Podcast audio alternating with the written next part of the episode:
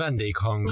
A Helma beszélgetős műsora. Szerzők és könyveik. Keresse minden második héten a Hobby Rádióban is. Pénteken 15 órai kezdettel, ismétlése vasárnap 20 órakor hallható.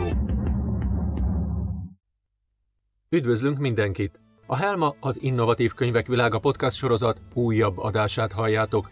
E-könyvekről, hangos könyvekről és a szerzőkről beszélget a két állandó műsorvezető, Dvariecki Bálint és Preg Balázs.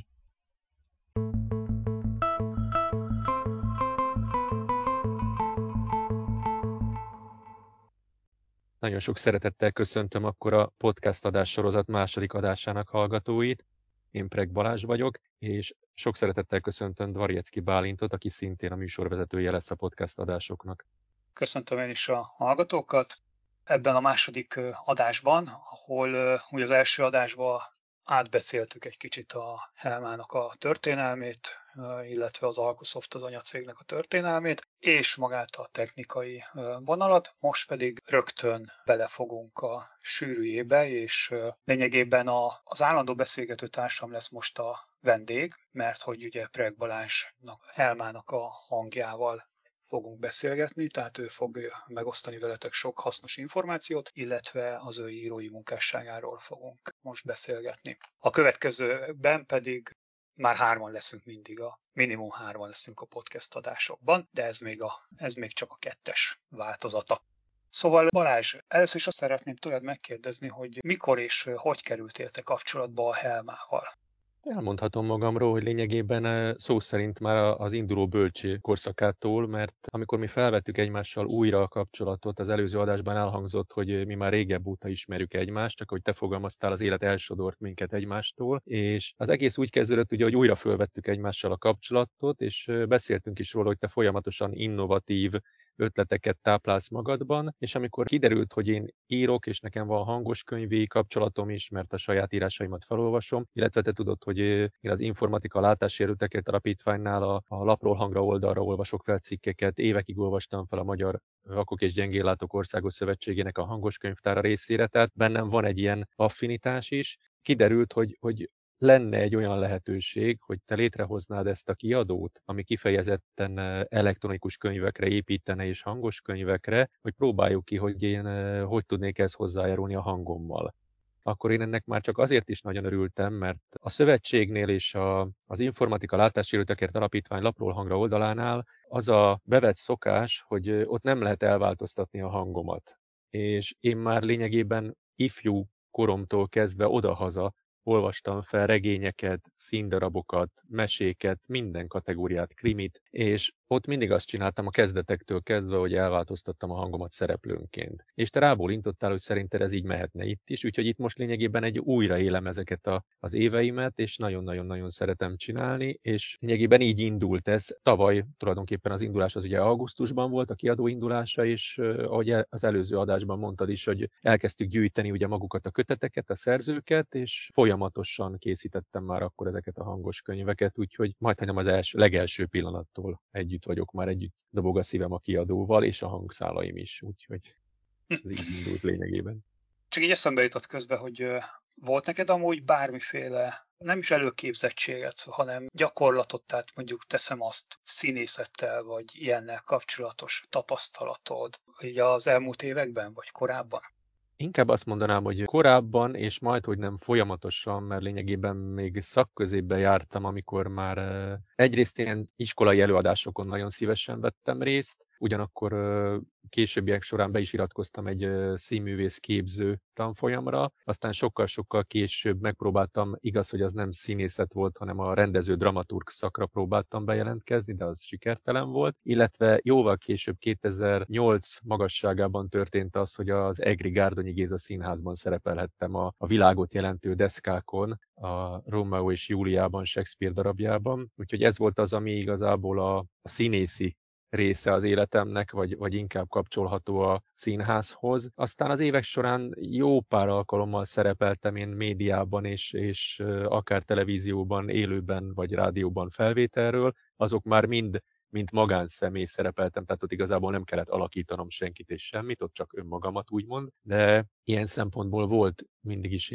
azt nem tudom, hogy érzékem hozzá, de, de érdeklődési körömben mindig is benne volt ez a, a, nem is az, hogy szerepelni vágyódom, de ez úgy kialakult bennem, hogy szerintem egy ilyen könyv is akkor élvezhetőbb, amikor, amikor egy szereplőnek és a narrátornak el kellene válnia egymástól, és ez később úgy alakult ki, hogy de akkor mi lenne, ha már a legtöbb szereplőnek, nem mindegyiknek, mert természetesen minden szereplőt én sem tudok előadni, meg nekem is megvan a saját orgánumom, tehát tudom magamról nagyon jól, hogy nem tudok mindent előadni, ezért nem is akarom erőltetni a dolgot, de akiket lehet, és minél több szereplőt azért szeretek megkülönböztetni egymástól, mert szerintem úgy még élvezhetőbb ez az egész történet.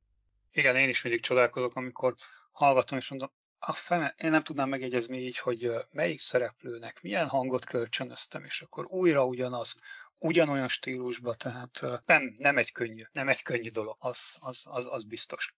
Nem. Uh, az, az, az, csak nyugodtan. Tény, az tény, hogy nem könnyű dolog. Pont erre visszatérve gyorsan még egy ilyen technikai dolog nálam ez, hogy mivel több könyvet készítek párhuzamosan, ezért én magamnak jegyzeteket készítek. Tehát amikor olvasom magát a könyvet, mindig előolvasom a könyvet természetesen, akkor már kialakul bennem a szereplő és akkor azt én rögtön le is írom magamnak, hogy jó, ez ez a szereplő, kor, nem, stb. hogy néz ki, milyen a karaktere a történet során, ahhoz már, már általában magamban egy színészhez szoktam kötni. Ha színészhez kötöm, akkor a külföldi színész, akkor általában a szinkron hangjához is kötöm, és akkor megpróbálom egy picit arra terelni a hangot, de ezzel nagyon vigyáznom kell, mert nem minden szereplőnél jönne be egyébként az eredeti hang, tehát megálmodom magamban, de aztán lebeszélem magamat róla, viszont én is jegyzeteket készítek pont emiatt, hogy mi van, hogyha később visszatérek a könyvre, később folytatom, akkor nehogy az legyen, hogy elmegy valamilyen irányba. De egyébként, hogyha gépi felolvasást hallgat az ember, akkor is ez átjön, hogy maga az, hogy egy hangon olvassa fel az adott könyvet a, a gépi felolvasó, vagy például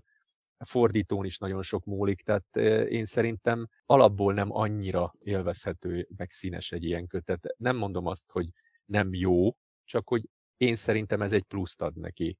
Hát az biztos, az, az, az biztos, meg hát eléggé tényleg ez a, nem jutott volna eszembe, hogy most még itt jegyzeteket is kell készíteni. Tehát azért egy könyvnek az elkészítése nem csak annyiból áll, hogy az ember leül, és ne kell olvasni, felolvasni, hanem tényleg nagyon sok előkészülete, előmunkái vannak, ahogy mondtad először. Szinte lényegében el kell olvasni simán a könyvet, hogy megismerjed a karaktereket, jegyzeteket készíteni, szereplőket kialakítani. Tehát ezt én sem tudtam, hogy így szoktad például, hogy próbálod hasonlítani egy meglévő színésznek a hangjához, ami, ami, ami érdekes, érdekes és, és nehéz egyben. De hát ezért nem így csinálom, mert uh, nem tudnám megcsinálni, úgyhogy ezért Jó, hát bízunk hát profikra.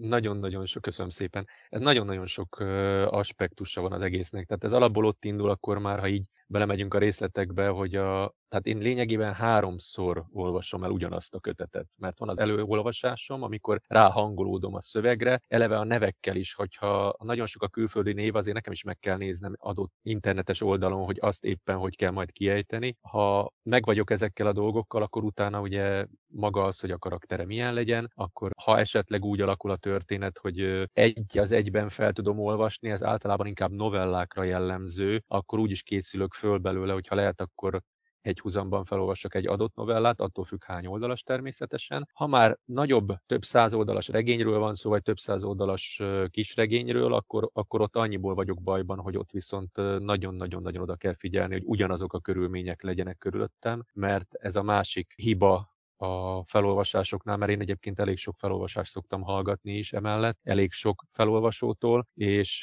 nem mindig ugyanazok a körülmények vannak az adott felolvasás során, ami azért eléggé el tudja kedvetleníteni a hallgatót szerintem. És aztán utána felolvasom magát a könyvet, elkészítem a felolvasást, ez a második, amikor ugyanazt a könyvet olvasom. A harmadik pedig maga a szerkesztés, mert ezt nagyon kevesen tudják rólam, hogy én magam szerkeztem az elhangzó művet, tehát ez a harmadik, amikor végig hallgatom a kötetet, úgyhogy azt nem mondom, mert az túlzás lenne, hogy már el is tudnám játszani az egész történetet, de valóban, ha felébresztenének álmomból, nagyjából tudom, hogy mihol található benne.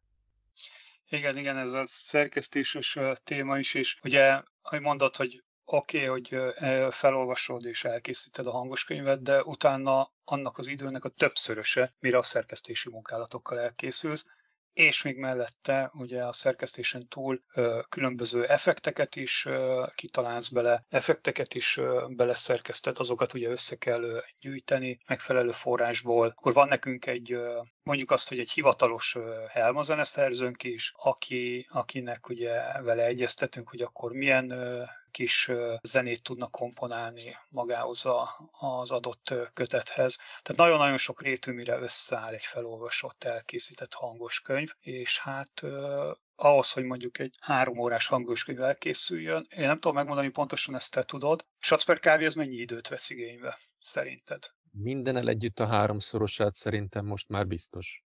Mióta az effektek is megvannak, zene is megvan. Ha azt nézem, hogy ahhoz tudom hasonlítani, amilyen egy sima cikk felolvasása, ahol nincsen semmiféle hangelváltoztatás, meg egyéb ilyen dolog, azok szoktak olyan másfélszeres, kétszeresek lenni. Tehát felolvasom magában mondjuk egy 10 perceset, akkor az általában ilyen 15-20 perc alatt durván megvan a szerkesztése, mert ott csak idézőjében csak a, a lélegzetvételeket szoktam kivenni belőle, a bakikat természetesen kiveszem belőle, ha valamelyik hangzó esetleg nem jó, akkor minimálisan még szűrök rajta, meg ilyenek, de most ezek a, a hangos könyvek, amik a Helma kiadón keresztül készülnek, vagy amikor annak idején még a sajátomat készítettem, amikor az honlapjaimat elindítottam, meg a saját YouTube csatornámat, akkor azoknál már észrevettem, hogy jóval-jóval hosszabb volt, és azokban még ugye nem volt effekt meg zene, úgyhogy ahhoz képest szerintem durván a háromszorosa megvan. Mm.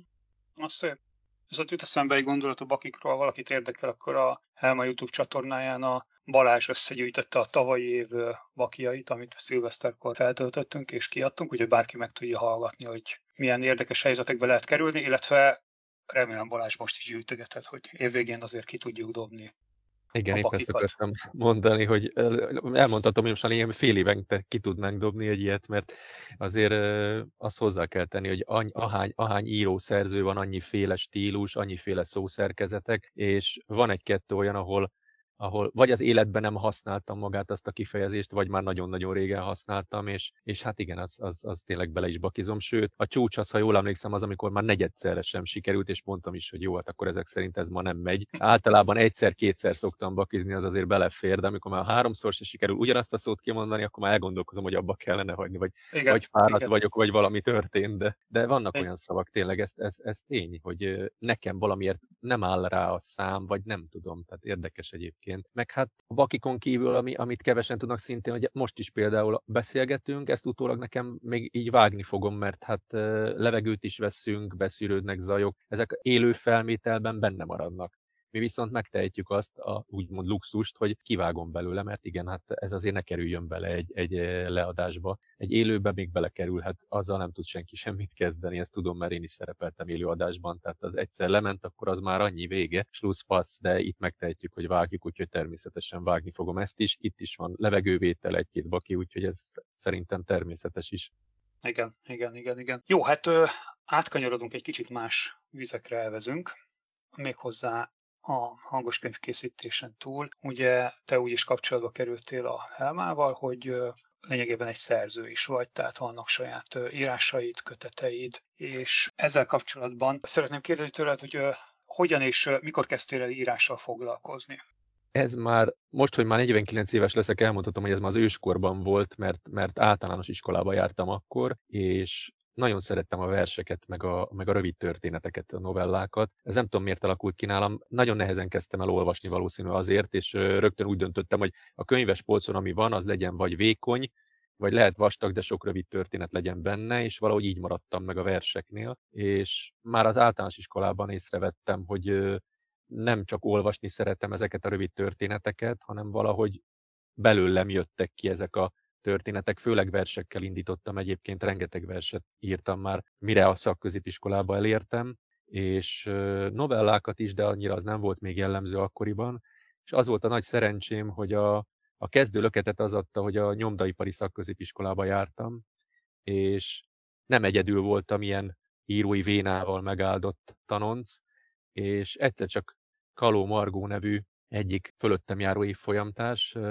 kitalálta C. Attillával közösen, hogy hát ők létre szeretnének hozni egy ilyet, meg Béres Attila, és ők hárman kezdték összegyűjtögetni a nyomdaipari iskolában, kik azok, akik verseket írnak, és bemutatkozó szöveggel együtt néhány verset beadtam, és meg is jelent. Úgyhogy ez egy annyira pozitív visszajelzés volt a számomra, hogy én akkor úgy is döntöttem, hogy hát akkor ezt nem hagyom abba, hanem folytatom. Úgyhogy nagyon-nagyon sokáig amikor tavaly megjelentettük a kötetet, akkor pont bele is írtam, hogy 2010-ig bezárólag majdnem, hogy folyamatosan írtam, minden évben több-több verset, sok verset, és az évek során jöttek hozzá a novellák. Azok általában szép irodalmi novellák voltak az elején, és főleg pályázatokra küldtem ezeket be. Ezek közül volt, ami meg is jelent, de sajnos akkoriban még az, az, az ami most is van már, tehát ezt majd szintén elmondtam már egy másik interjúban, hogy, hogy sajnos nálunk az, az nem tudom, hogy volt-e valaha olyan, de valószínű, hogy volt,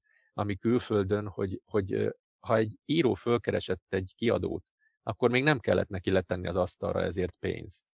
Nekem viszont már akkor le kellett, amikor még csak egy-két verset jelentettem meg, és ezért örültem nagyon-nagyon, amikor kiderült a Helma kiadónál nálad, hogy nem kell. Tehát ez, ez felejtős ez a történet, te így, ahogy van, nullszaldóval elindítod, nekem költségmentes, és ezért is mondtam, hogy akkor viszont betolom az összes kötetet, ami létezik, meg ami azután jön, mert, mert ez egy vicc szerintem. Tehát sajnos ez most így működik. Tehát tényleg az egyetlenek közé tartozol, akivel találkoztam, és ezt mástól is azóta visszahallottam más szerzőtől is, hogy ez tényleg egy, egy unikum, tehát egy fehér holló a szakmán belül. Úgyhogy akkor ez egy annyira pozitív dolog volt számomra, hogy, hogy mindenféleképpen az összes többit meg akartam jelentetni veled kapcsolatban a Helma kiadónál, és az összes többi pedig azt jelenti, hogy az évek során felgyűltek már science fiction novellák, felgyűltek már regények, van egy elbeszélés gyűjtemény is, illetve a regények közül úgy van, hogy több részesekről van szó, tehát van egy ilyen kalandregény bűnügyi szál, illetve a meséknél úgy van, hogy most már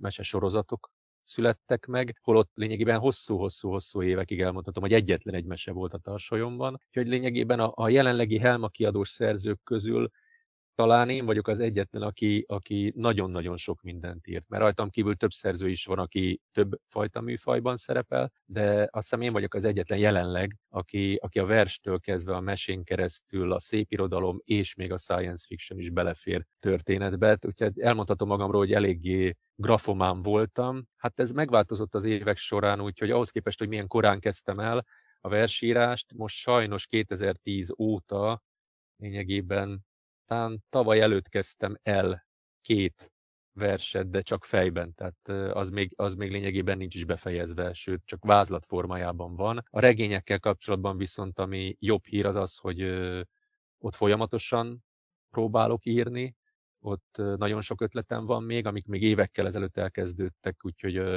most éppen talomban vannak, nem a fiókban, de számítógépen, úgyhogy amikor van kapacitásom, akkor foglalkozom velük és próbálom folytatni őket. Még hét kötet van bennem, amit azért mindenféleképpen szeretnék megjelentetni, viszont ezek már kifejezetten olyan kategóriák, amik bűnügyi, pénzügyi, gazdasági krimi lenne, tehát kicsit más, mint a korábbi kötetek. Ezzel kapcsolatban csak eszembe jutott az utolsó mondatoddal kapcsolatban, hogy én tudom, de elárulnád a hallgatóknak, hogy mi a te civil foglalkozásod? Vagy mi volt a civil foglalkozásod, mondjuk azt még régebben?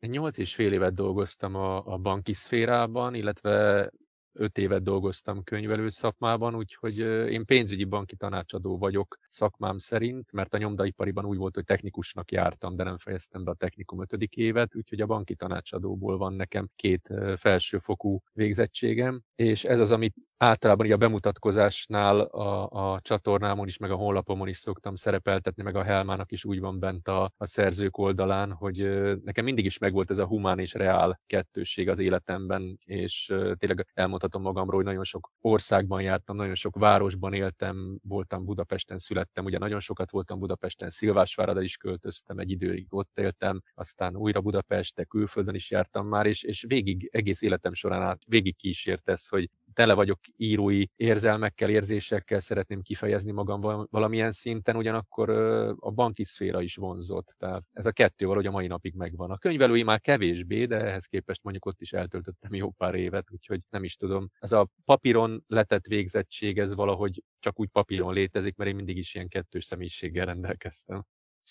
De akkor innen jött a, a könyvötleted, a gazdasági krimi kicsit kapcsolódik az elő, eredeti szakmáthoz talán. Igen, természetesen. Tehát maga a, a ha úgy fogalmazom, a versek és a, a szépirodalmi novellák, azok mindenféleképpen belőlem úgy jöttek ki, hogy valamilyen érzés váltottak ki, valamilyen hír vagy hatás nyomán születtek, ugyanakkor például már a, A science fictionnél úgy alakult a történet, hogy kifejezetten pályázattal kapcsolatban kezdtem el írni. Annak ellenére ugye, hogy természetesen nagyon szeretem a science fiction, tehát nem úgy próbáltam megírni ilyen novellákat, hogy abszolút nem volt semmilyen érdeklődési köröm hozzá, de akadt már olyan helyzet, hogy egy idegen szó, például az, az Ipekakuana például úgy is alakult ki bennem, hogy megláttam ezt az idegen szót, azt se tudtam, hogy eszik-e vagy isszák, rákerestem, hogy ez mit is jelent tulajdonképpen, mert maga a szó, a hangzása nagyon, nagyon tetszett, és akkor így alakult ki a történet, tehát így született meg. A gazdasági az meg már nagyon-nagyon-nagyon régóta, lényegében 2008 után kezdődött el bennem, amikor volt az egyik nagy úgynevezett gazdasági világválság, hogy még akkoriban banki tanácsadóként szerepeltem is elég sok ideig a médiában is, mert megkérdezték a szakvéleményemet, és akkor, akkor már elkezdtem gondolkozni ezen, hogy mi lenne, ha valami olvasmányos formában próbálnám meg ezeket a, a dolgokat átadni az emberek felé, és akkor azóta az már kinőtte magát egy három részes sorozattá, miközben a, a másik kétszer-három kötet az meg e, tulajdonképpen nem az, hogy ponyva, de, de inkább ez a lazább bűnügyi történet lesz, annak nem nagyon lesz pénzügyi vonala, és azokat pedig inkább egy-egy író hatása keltette nálam, hogy nagyon tetszett a stílusa, és akkor úgy döntöttem, hogy, hogy hát lényegében egyeszem első személyben írom le, akkor, akkor máshogy megy át az olvasónak, amit mondani szeretnék, és máshogy megy át a történet maga is szerintem. Úgyhogy hát kíváncsian várom, hogy mikorra készül el, meg mi lesz belőle, de egyébként ez, ez tényleg a pénzügyi vonal az, az annak köszönhető, hogy ennyire érdekelt mindig is maga a gazdaság. Nem is csak maga a pénzügy, hanem az egész gazdasági világ. Az más kérdés, hogy most már nem abban tevékenykedem. Igen, hát várjuk mi is nagyon ezeket az új köteteket, reméljük mi hamarabb neki tudsz fogni, papírra is vetni, vagy nem tudom, hogy gondolom azért valamik már megvannak belőle. Van-e olyan műfaj, amiben esetleg még próbálkoztál, de mondjuk aztán nem is csináltál vele semmit, tehát esetleg más műfajok, mint amiket most felsoroltál? Annak idején a, a Röpke című kötetben, ami eredetileg ugye verses kötet, abba én bele szőttem egy minimális színdarabot, mert annak idején volt egy időszak, főleg amikor a Gárdonyi Géza színházban ugye szerepeltem a, a Rómeó és Júliával kapcsolatban, amikor nagyon érdekeltek a, a maguk a színdarabok, és egy ilyen miniaturizáltat én is készíthettem. Az, az, az még mondjuk foglalkoztatna, de az biztos, hogy idő szempontjából nem fog beleférni egy ideig, de azt jobb lenne egy kicsit kibővíteni, mert az nagyon kis zanza lett szegénykém pedig abból is többet szerettem volna. Más műfajok annyira úgy nem igazán, tehát a bűnügy, a science fiction az az, ami még úgy szerintem jó, ha arra megyek el, meg kifejezetten szórakoztató. A versekkel kapcsolatban nem azt mondom, hogy én kiégtem volna, de de valahogy nem, mostanában nem nagyon jönnek. A mese szerencsére azzal úgy jártam, hogy volt az az egy nagyon régen, és az nagyon sokáig megvolt, nem került hozzá újabb. Két évvel ezelőtt aztán egyszer csak megszületett öt váratlanul a hóemberes mesesorozatom, és azon meg is lepődtem, hogy ahogy elkezdtem írni, rögtön jött a következő, aztán jött a következő, aztán jött a következő, és aztán szerencsémre a Momo Rádió megkeresett, és felkérte arra, hogy készítsek egy tolerancia mesesorozatot, és ott is úgy voltam vele, hogy gondolkoztam, gondolkoztam, és lényegében két héten belül esténként megírtam öt részt abba is. Úgyhogy ha megvan az iklet, a kiváltó, akkor tulajdonképpen ezekben a műfajokban, amikben most benne vagyok, mondhatom azt, hogy aránylag hamar sikerül, ha rövidről van szó, de más műfajokkal úgy kifejezetten kapcsolódási pontot sem éreznék ahhoz, hogy megpróbálkozzam vele, tehát nem is nagyon vonzanak. Még ez a színdarab, ez, ez még érdekelne esetleg, de mondom, ez nagyon a jövő zenéje. Értem, értem kicsit más vizekre evezve, illetve nem más vizekre, csak kicsit más témára kanyarodva. Mi szokott általában téged ihletni? Van-e múzsád? Ez teljesen változó. Tehát lényegében, ahogy azt az előbb úgy említettem, hogy akár egy, egy, egy rövid hír, vagy akár egy, egy váratlan érzés, vagy valamit meglátok, valami nagyon-nagyon szépet, akkor, akkor, akkor már úgy érzem, hogy azt én szeretném szavakba önteni. Hogy a Röpke című verses kötetben is írtam, hogy én néha úgy érzem magam, mint egy ilyen szűrőként működnék, hogy körülöttem folyamatosan vannak ezek a szavak, valahol a fejem körül ezek mindig ott vannak, csak aztán egyszerűen úgy érzik, hogy át akarnak rajtam menni, és akkor én meg egyszerűen régen ugye papírra vetettem, most annyira nem a papírra domináns, hanem amikor csak tudom, vagy számító számítógépre vagy a telefonba írom be, vagy valamilyen módon jegyzetet készítek, rövid jegyzetet. Úgyhogy múzsát annyira nem is tudnék mondani. vagy például az az Ipekakuana szó, hogy, hogy meglátok egy szót, és akkor a kíváncsiság, hogy az mit jelent, és ha, ha látok benne fantáziát, hogy ebből lehet valamit írni. Vagy annak idején, amikor például a, a Deutsche Bankban dolgoztam, de Szilvásváradon laktam, és az azt jelentette, hogy heti szinten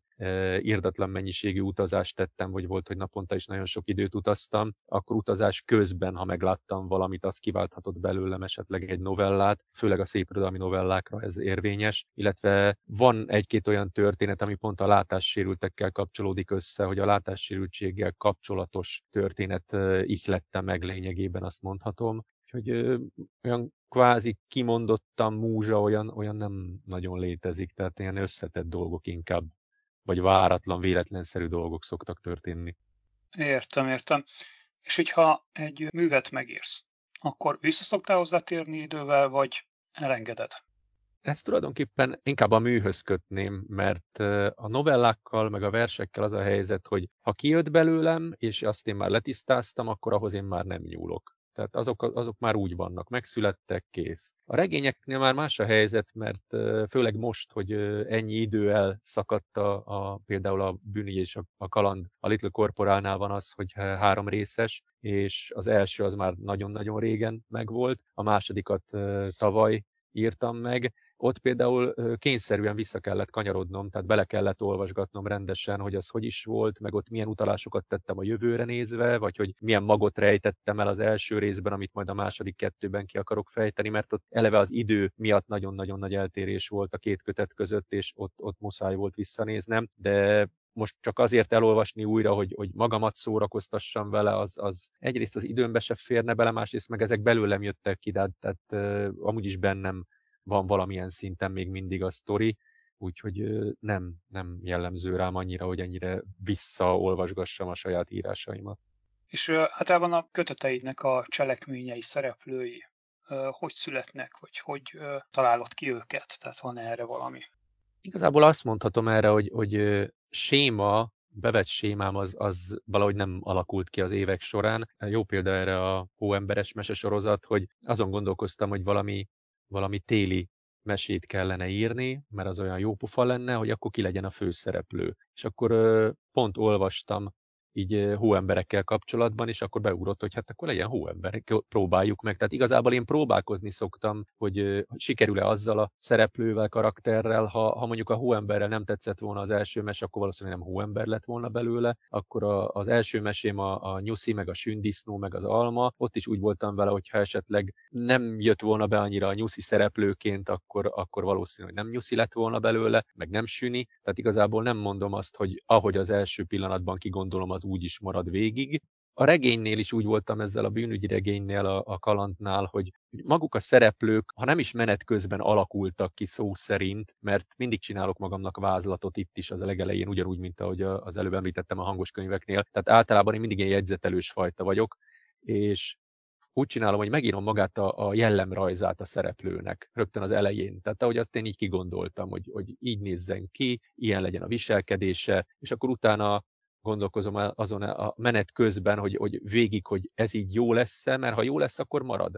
Ha, ha nem, akkor mondjuk még változtathatok rajta. Meg a történet is olyan, hogy most még például nem tudom száz százalékig biztos, hogy mi lesz a harmadiknak a befejezése, mert általában a filmekkel is így vagyok, hogy, hogy megnézek egy filmet, akkor arra gondolok, hogy mi lett volna, ha nem ez a vége. Én milyen véget írtam volna neki. Tehát mindig így vagyok vele, hogy amit amit éppen feldolgozom, az is, hogy lehetne másként is, vagy hogy lenne ütősebb, vagy hogy lenne még egy csavar benne, mert általában szeretem azokat a történeteket, ahol nem csak egy csavar van, illetve szeretem azokat a történeteket, ahol nincs elrejtve az információ a csavar. Tehát én nem vagyok ilyen hatásvadász, mint mondjuk annak idején Agatha Christie volt, hogy ő az utolsó utáni oldalig tartogatott egy meglepetést, hogy Poirot vagy Miss Marple-nek nagyobbat üssön a történet végén, hogy ő hogy találta ki. Tehát én nem ilyen vagyok. Én el csepegtetem az információt, tehát menet közben azért tudja meg az olvasó azt, hogy és ha ő abból össze tudja rakni, akkor az nagyon jó hír, ha nem, akkor viszont ott van a csattanó a végén, és akkor eszébe jut, hogy ja, de hát ez ott volt benne. Úgyhogy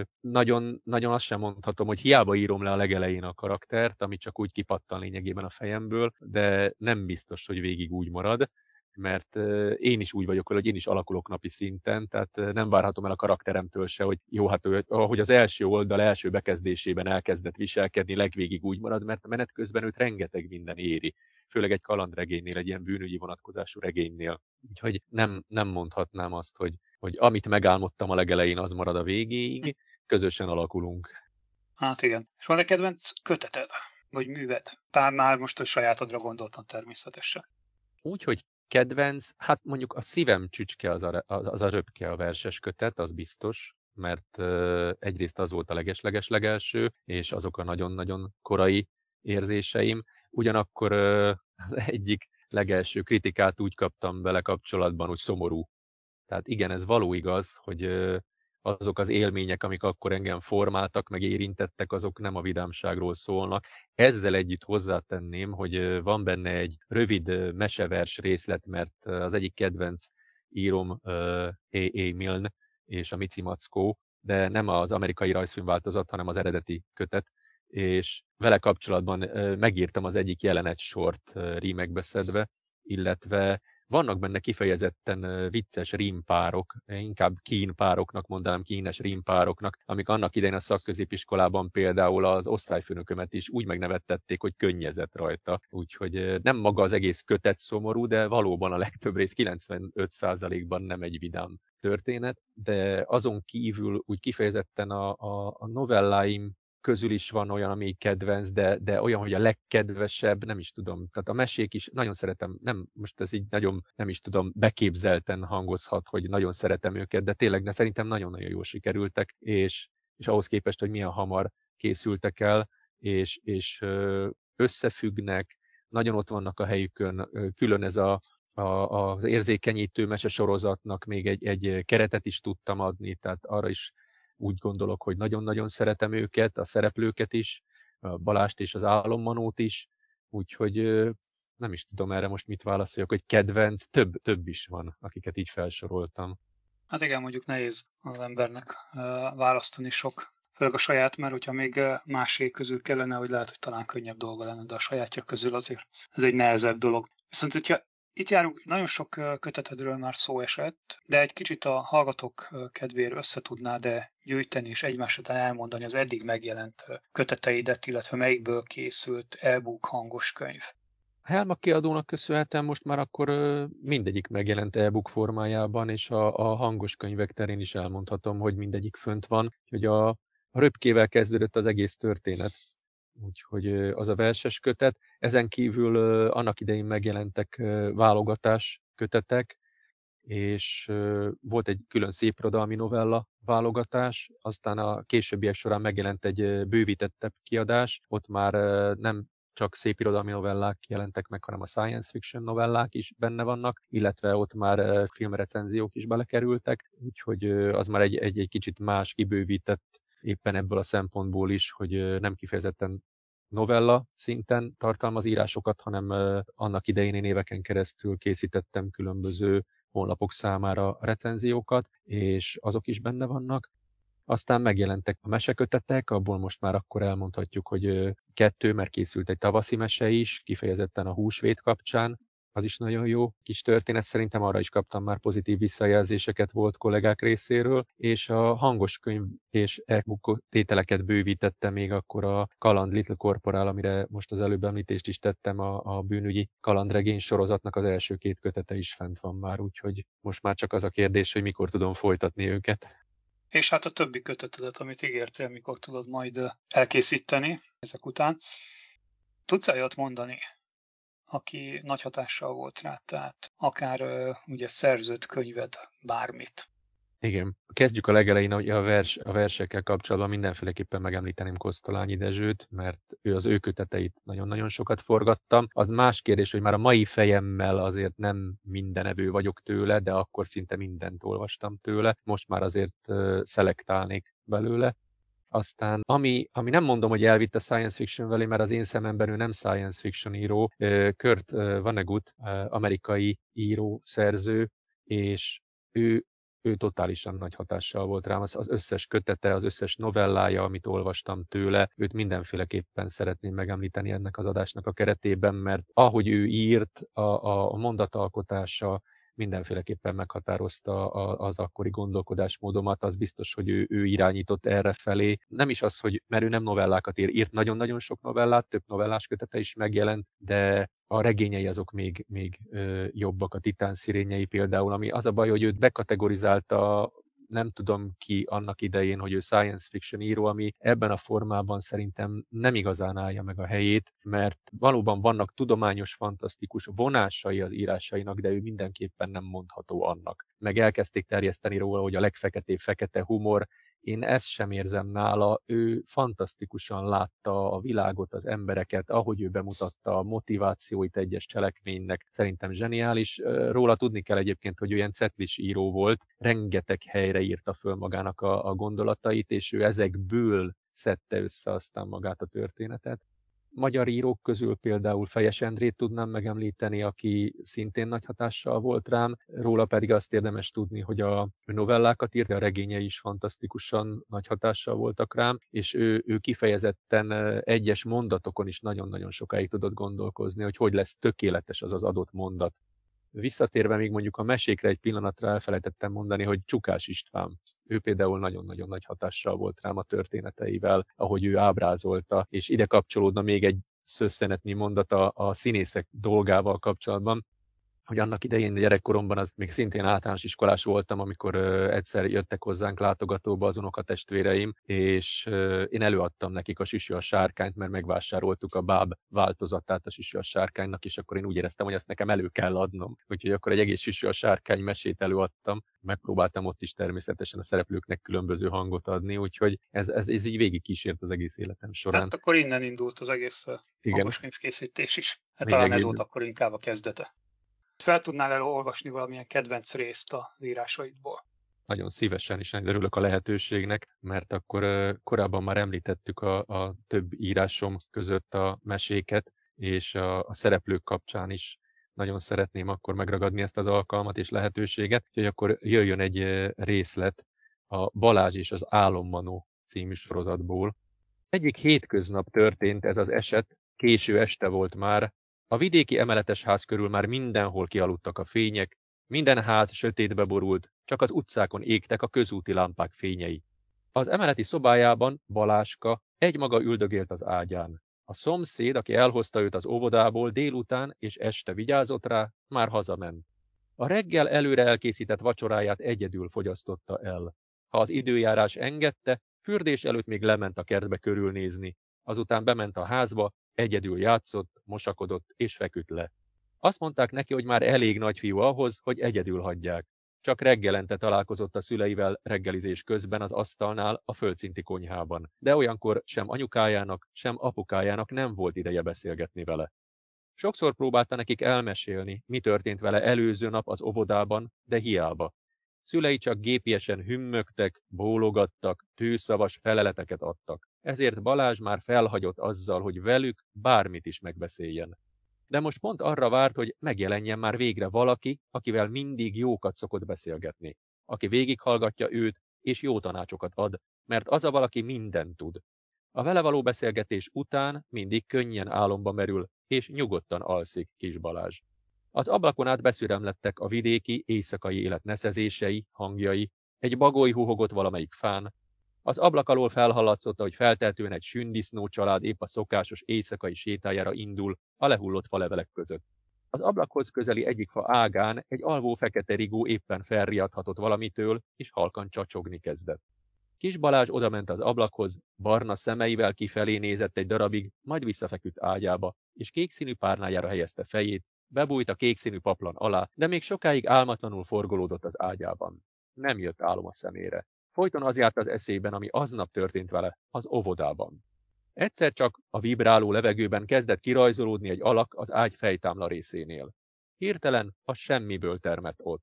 Fények cikáztak a teste körül pár másodpercig, miután megjelent. Olyan volt, mint egy varázsló egy mesében. Ő volt Balázs álommanója. A hátát a falnak támasztotta egy percig, majd egy kicsit előredőlt. Nem volt nagy termetű, hosszú őszhaja volt és hosszú ősz szakálla. Ennek ellenére nagyon fiatalosan, laza testtartásban ült. A lábával kalimpálni kezdett, mint egy kisgyerek a hintán, vagy egy ágy szélén ülve, mikor lelógatja a lábát. Sötétkék köpeny volt rajta, csillag mintázattal. Szokatlan látványt nyújtott, mert egyáltalán nem viselt a lábán lábbelit, se cipőt, se csizmát, se papucsot, se szandált. Teljesen mezitláb volt, ami egyáltalán nem illett a szép csillagmintás, nagy, sötétkék köpenyéhez. Úgy viselkedett, és a ruhája miatt a kinézete is olyan volt, mint egy gyermek, aki varázslónak öltözött be a farsangi bárra, álszakállat ragasztva magára. Látta az előbb, hogy Balás figyelte, mi történik a ház körül az éjben. Boldogsággal és elégedettséggel töltötte el az a tény, hogy a kisfiúra ekkora hatással van a természet. Rég nem volt rám szükséged, szólalt meg nagyon mély hangján. Már egy ideje jól alszol. Baj történt? Mi nyomaszt annyira? Miért nem alszol még? Igen későre jár. Kezdte el a beszélgetést. Tudta jól, hogy Balázs szülei nagyon sokáig dolgoznak, és nincs már idejük arra, hogy lefekvés előtt bemenjenek a fiúkhoz beszélt puszit adni, vagy jó éjszakát kívánni neki. Kis Balázs felült kis ágyában, megdörzsölte a szemeit, a telehold besütött a szép, emeletes kertesház gyerekszobájának ablakán át. Megvilágította a szobát. A falakon nagy, szebbnél szebb természeti képek fotói voltak, gyönyörű erdei fényképek, fenyvesekről, bükfákról, nyírfákról, havas hegyekről, bokros dombokról, virágos mezőkről, kanyargó folyókról, kerek tavakról, aranyos erdei madarakról. Nem attól, hogy már majdnem teli hold van, mondta Kis Balázs határozottan, hanem attól, ami ma történt, folytatta. Milyen különleges dolog történt ma, ami más napokon nem történt még meg. Érdeklődött kíváncsian álommanó, és megsimogatta Balázs rövid barna haját. Kis Balázs csak erre várt. Alig tudta tűrtőztetni magát, hogy ne hadarja el, amit mondani akar, hanem szépen, lassan, tagoltan mesélje végig. Jött ma hozzánk egy új kislány, külföldi, a messzi távol-keletről érkezett a szüleivel, Japánból. Ferdevágású szemei vannak, sárgás a bőre, és nagyon szép. Nagyobb és idősebb mindannyiunknál. Azt mondja az óvónéni, hogy nagyon okos. A szülei elárulták neki, ő meg elmondta nekünk, hogy a kislány neve Holdat jelent. Gyönyörű lány, nagyot dobbant a szívem, amikor megláttam. Hűha, hát ez tényleg nem történik meg minden nap. Értem, miért vagy izgatott. Bólogatott álommanó, miközben hosszú ősz szakállát simogatta. Ez csak egy dolog, folytatta kis Balázs. De valamit nagyon nem értek. Olyan furcsán éreztem magam, ahogy megláttam. Nekem nagyon tetszik, de a többieknek nem, és ezt ki is mutatták. Azt hittem, a gyerekek között a távol-kelet, a mesék, a varázslatos dolgok helyét jelenti, de őt a körülmények miatt nem fogadták be, sőt kifejezetten ellenségesek voltak vele szemben. Megkeserítették a kislány életét egész nap. Milyen körülményekre gondolsz? Érdeklődött kíváncsian álommanó, és abba hagyta a lábával való kalimpálást. Hold rendszeresen elesik, vagy elájul. Azt hittem csak azért, mert olyan vékony. Sokszor eltűnik, de nem úgy, mint mondjuk, ahogyan te szoktál, Ráadásul különleges ételeket hozott magával, magának. Nekünk nem ad belőlük, csak azt teszi. Meg van nála valami kis kütyű, de nem játék, és ami a legfurcsább, hogy több helyen is tűzszúrásnyi pontok vannak a bőrén. Az óvónéni nem említette, hogy a kis japán lány cukorbeteg. Nem láttál sehol a holmián egy kék karikát? Az a cukorbetegség nemzetközi jelképe. Ugyan már, miket beszélsz? Hogyan lehetne már bárki beteg a cukorkától? felelte Baláska. Te igen, azt mondta súlyos cukorbeteg, gondolta át a dolgot. Hidd el nekem, ha valaki túl sokat eszik bizonyos édességekből, könnyen lehet rosszul, de a cukorbetegség nem azt jelenti, amire gondolsz. Két fő ok miatt alakul ki, s több típusa is létezik. Ez egy betegség, ami jelenleg nem gyógyítható, és minél idősebb lesz majd, annál súlyosabbak is lehetnek a szövődmények. Ráadásul a világon egyre több embernek van ilyen betegsége. De ezt nem most kellene ennyire részletesen elmagyaráznom. A lényeg, hogy más ételeket kell fogyasztania, mint nektek, de miatt nem kell tőle félni. Zárta le röviden álommanó, hogy miről is van szó. Hát ennyi lenne akkor a részlet. Hát köszönjük szépen. Miért volt ezt választottad amúgy?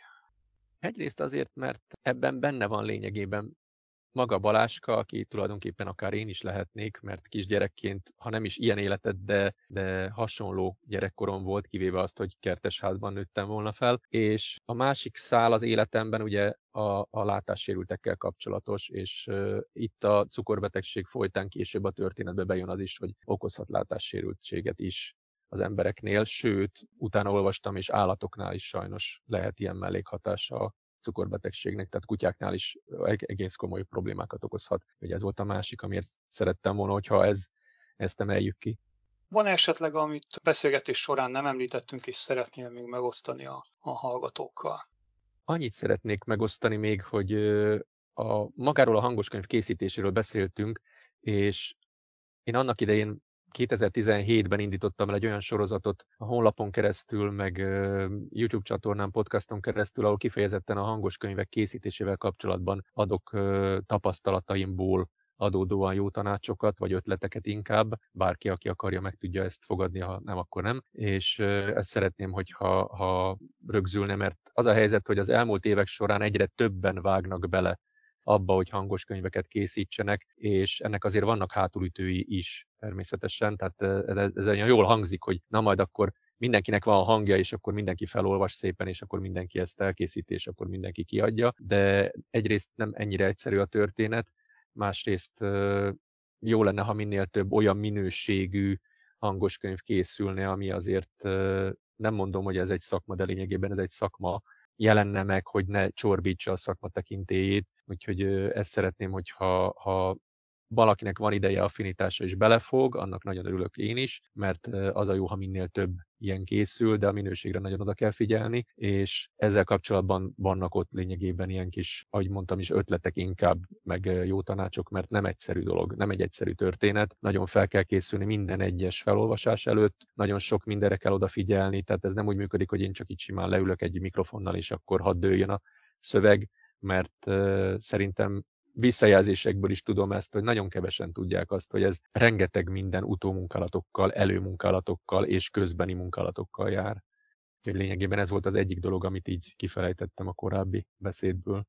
Hát köszönöm szépen, ez tényleg nagyon érdekes és nagyon sok hasznos információt tudhattunk meg, mind a hangos könyvkészítésről, ugye, mint pedig rólad illetve az egész munkásságodról. Úgyhogy én nagyon örülök, hogy beszélgettünk, és hallgatókat pedig arra tudom buzdítani, hogy keressék Balázs könyveit a www.helma.hu weboldalon, és hallgassák, olvassák, és jöjjenek vissza a következő podcast részre, ahol egy újabb Helma szerzővel fogunk megismerkedni, és akkor már ő, mint harmadik, és mi Balázsra ketten pedig a kérdezők leszünk. Úgyhogy köszönöm mindenkinek a figyelmét, további szép napot kívánok mindenkinek, sziasztok! Én is nagyon szépen köszönöm a lehetőséget, hogy bemutatkozhattam mindkét oldalamról, mind a hangos könyv készítéssel kapcsolatban, mind pedig írói vénámat is bemutathattam, és én is nagyon sok szeretettel várok mindenkit a következő adásunkban, ahol írói szerzőtársal fogunk beszélgetni közösen. Minden jót viszont hallásra! Vendéghang. A Helma beszélgetős műsora. Szerzők és könyveik. Keresse minden második héten a Hobby Rádióban is. Pénteken 15 órai kezdettel, ismétlése vasárnap 20 órakor hallható. hobbyradio.hu 2.8000 per hobbyradio.mp3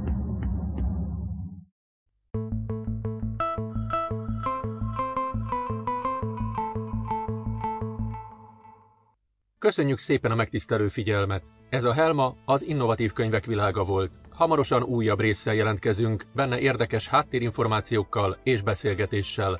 Az interneten további hírek olvashatók, hallgathatók és nézhetők a honlapunkon és YouTube csatornánkon. Olvassatok minél többet, és keressétek az új e-könyveket és hangos könyveket a www.helma.hu weboldalon.